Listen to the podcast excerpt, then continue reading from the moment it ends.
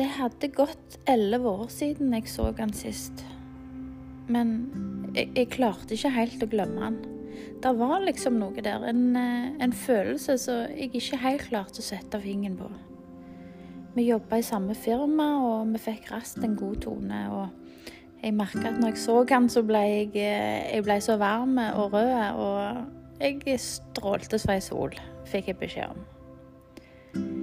Sommeren 2006 eh, så var vi flere på jobben samla på en firmafest. Og han var i et forhold og hadde to små barn. Jeg var singel og var åtteåringen. han. På festen så lå vi siden av hverandre i ei hengekøye mens vi så opp på den fine himmelen, lo og tøyste som to tenåringer. Jeg følte meg mer levende enn jeg hadde gjort på lenge. Jeg visste jo at han var opptatt, men, eh, men jeg var så betatt og det var liksom ingenting annet som betydde noe der og da. Det var jo så uskyldig. Vi, vi lå bare der og hadde det veldig fint. Um, men når vi møttes igjen på jobb et par uker etterpå, så, så snakket vi litt om festen. Og han sa at uh, vi kunne ikke ha kontakt, fordi uh, han visste at hjertet hans lå hos familien. Og det syns jeg var veldig stort. Eh, og jeg hadde full respekt og forståelse for det, så jeg fortsatte på min vei. Jeg hadde noen partnere som jeg ikke helt klarte å slå meg til ro med. Det var liksom noe som mangla. Årene gikk, og hver gang jeg passerte det området der jeg visste han bodde, så tenkte jeg på han. Hver gang jeg hørte navnet hans, så tenkte jeg på han, og hver gang jeg så den samme type bil som var lik den som han hadde, så tenkte jeg på han. På slutten av 2010 så møtte jeg en trygge, kjekke og stabile kar som ble far til mine barn. Han hadde en, har en veldig fin familie som bruker mye tid sammen, og det er trygge og stabile rammer. Eh, jeg falt for det. Vi var kjempegode venner og hadde det fint sammen. Men det gikk jo litt opp og ned, som det naturligvis gjør i et forhold. Når eh, året ble 2016 og vi hadde fått to barn med to års mellomrom Jeg hadde lagt på meg over 20 kilo i begge svangerskapene, og jeg var trøtt og sliten. Jeg var ikke noe flink til å ta vare på meg sjøl. Forholdet skranta pga. dårlig kommunikasjon og stress. Og vennskapet vi hadde hatt i starten, det var satt på prøve. All kjærligheten jeg hadde, det gikk til barna. Det var, det var ingen tid igjen for kjærlighet mellom oss to. Jeg hadde dårlig samvittighet fordi at jeg ikke makta gi han den nærheten han både ønska og fortjente. Jeg var ingen god kjæreste, jeg var kun mamma.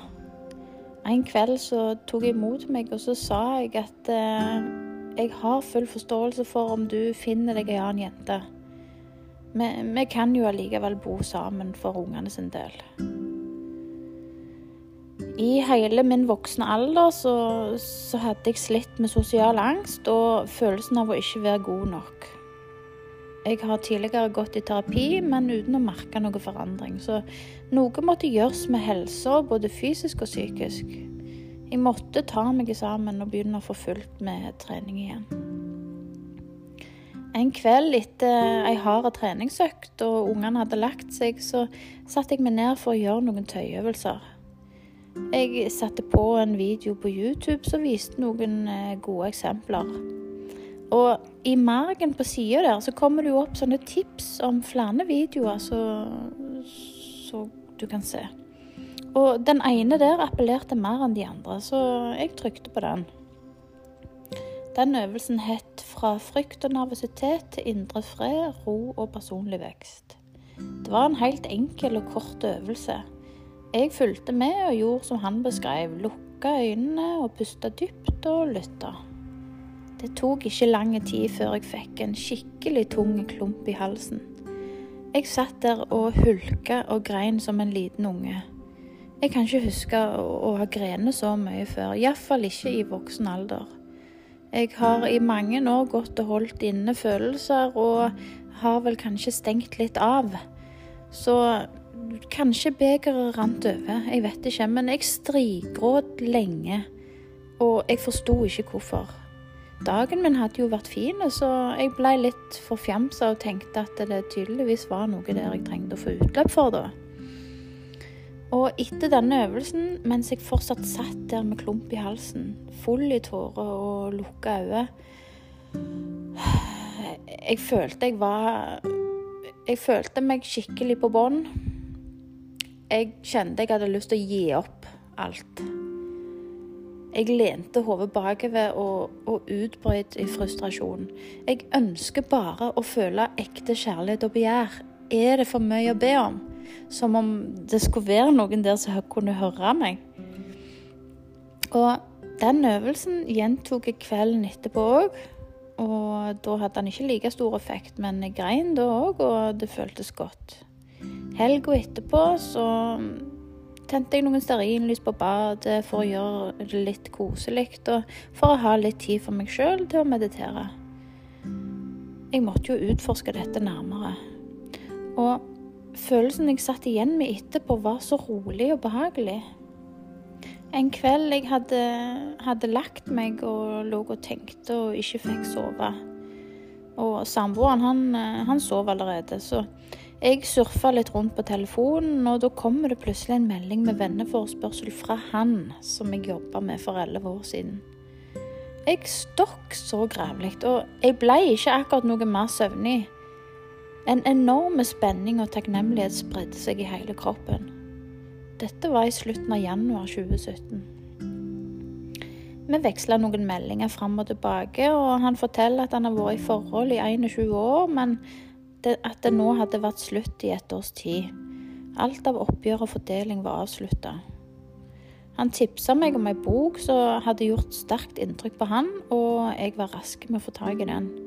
Den heter 'Ditt magiske liv' av Wayne Dyer. Jeg, eh, jeg, hadde lest toppen fem bøker i hele mitt liv, og jeg hadde liksom aldri funnet den sjangeren som fikk meg til å finne gleden med å lese, men jeg hadde lenge hatt lyst til å lese, så jeg hadde prøvd, men det var vel feil type bøker jeg hadde prøvd da. Og så fortalte han at han hadde drevet med meditasjon en stund, og han hadde noen tips han kunne dele. Og jeg begynte på boka samtidig som jeg mediterte litt daglig. Jeg husker at jeg begynte med to minutter på do. Eh, ungene var hjemme. Jeg sa 'nå skal mamma på do', og så tok jeg ned dolokket og så satte jeg meg der i to minutter. Jeg kjente at det hjalp. Og så økte jeg gradvis til 20 minutter sånn etter hvert. Og for jeg husker at jeg syntes at de to minutter var lenge i starten. En dag, jeg tror kanskje det hadde gått et par uker, da skjedde det noe merkelig og litt mystisk og fint på samme tida. Uh, dette uh, Jeg følte meg Jeg følte meg så lett plutselig. Jeg følte meg full av lys, indre ro og glede. Og den roen, den hadde jeg aldri før kjent på. Og følelsen av å ikke være god nok, den snudde seg til en følelse av å kunne mestre hva som helst. Og dette forsterka seg når jeg var sosial med andre og merka at den indre roen og styrken fortsatt var der. Den sosiale angsten jeg hadde hatt i hele min voksne alder, den var plutselig vekke, helt av seg sjøl, uten hjelp fra terapeuter og psykologer. Eh, det høres gjerne rart ut, men det, det var helt utrolig. Den boka og meditasjonen og samtalene med han, det hadde gitt meg den beste gaven jeg kunne få. Kjærlighet til meg sjøl. Endelig så torde jeg å være meg sjøl fullt ut, uansett hvem jeg snakket med. Nye folk, gamle kjente, om det var plattformsjef eller andre med høye stillinger. I mindre og større forsamlinger. Tidligere så hadde jeg følt at jeg ikke var god nok og og jeg hadde mer respekt for de med høyere utdannelse og bedre betalte jobber enn meg sjøl. Nå så, så forsto jeg det at bak fasaden til hver enkelt fremgangsrike person, så er det òg et skjørt menneske som behøver omsorg like mye som alle andre. På et tidspunkt i boka så følte jeg meg som hele universet, og da gikk det opp for meg. Jeg elsker han og det stakk så djupt. Men så tenkte jeg, hvordan i alle dager kan jeg elsker en person som jeg ikke har møtt på så mange år? Det kan jo ikke gå an. Eller kan det det? Var det sånn ekte kjærlighet kjentes ut? Hva var ekte kjærlighet egentlig? Jeg hadde dårlig samvittighet for å ikke ha de rette følelsene overfor barnefar. Men det var ikke rett å bli boende sammen når kjærligheten ikke var til stede. Det er ikke alt en forstår seg på som barn, men kroppsspråk og humøret det merker de like godt som oss voksne. Og når et par med barn krangler mye sammen, og ungene er vitne til det og kjenner det på kroppen, og det er jo ikke bra. Jeg har sjøl vokst opp med foreldre som ikke viste så mye kjærlighet til hverandre, og det ønsker jeg ikke for mine barn. De små trenger jo å omgås foreldre som er gode med hverandre, som viser kjærlighet og respekt, og som er gode forbilder, rett og slett. Jeg eh, bestemte meg for å flytte ut. Ungene ville òg få det bedre hvis mamma og pappa kunne være lykkelige hver for seg. Etter et par måneder med mye meldinger fram og tilbake, så møttes vi. Ansikt til ansikt på Solastranda. Når jeg var der for oss å høre på bølgenes ro. Og da hadde det gått elleve år siden sist, men jeg syns han var like fin som jeg kunne huske han var før. Vi fortsatte å møtes en gang iblant, og når vi fikk anledning Følelsene vokste mer og mer, og jeg var ikke i tvil om hvem jeg ønska å dele livet mitt med. Det var, det var så ekte, enkelt og djupt. Ærlig og rart på samme tida. Eh, hver gang vi var sammen, så stoppa tida opp. Vi hadde lange samtaler, masse latter og magiske øyeblikk. Alle de små tingene i livet som jeg tidligere hadde oversett. Det var disse jeg nå hadde fokus på. Jeg var i nuet. Jeg var fullt og helt til stede. Og det fortalte meg at dette var riktig. Um, det er vanskelig å holde tårene tilbake. Jeg fortsatte å lese noen bøker i samme sjanger. og nå kunne jeg jo endelig sitte i fred lenge og nyte ei bok, sånn som jeg lenge hadde ønska. Det var så mye som endra seg i denne perioden til det bedre. Vi hadde funnet kjærligheten til oss sjøl, og vi hadde det bra når vi ikke var sammen. Men når vi var sammen, så var det så sinnssykt sterkt. Og jeg husker jeg tenkte at det, det må jo være en mening med dette. Etter alle disse åra så dukka han bare plutselig opp. Når jeg minst venta det, og når jeg mest trengte det. I ei tid der jeg var langt nede og hadde behov for å føle kjærlighet. Eh, livet mitt eh, hadde snudd seg helt på hodet. Det hadde blitt til et liv som jeg virkelig ønska å leve fullt og helt. Og være til stede i. Hver dag og hvert øyeblikk. Det begynte å, å gå riktig på flere plan. Ved å føle indre ro og godhet overfor meg sjøl, så var jeg òg mer til stede i øyeblikket med ungene, med venner og kollegaer og folk jeg møtte som jeg aldri har møtt før. Men mest av alt alene, det var jo det aller viktigste. At når jeg var alene med meg sjøl, med stillheten og mine tanker, så var jeg faktisk glad i meg sjøl.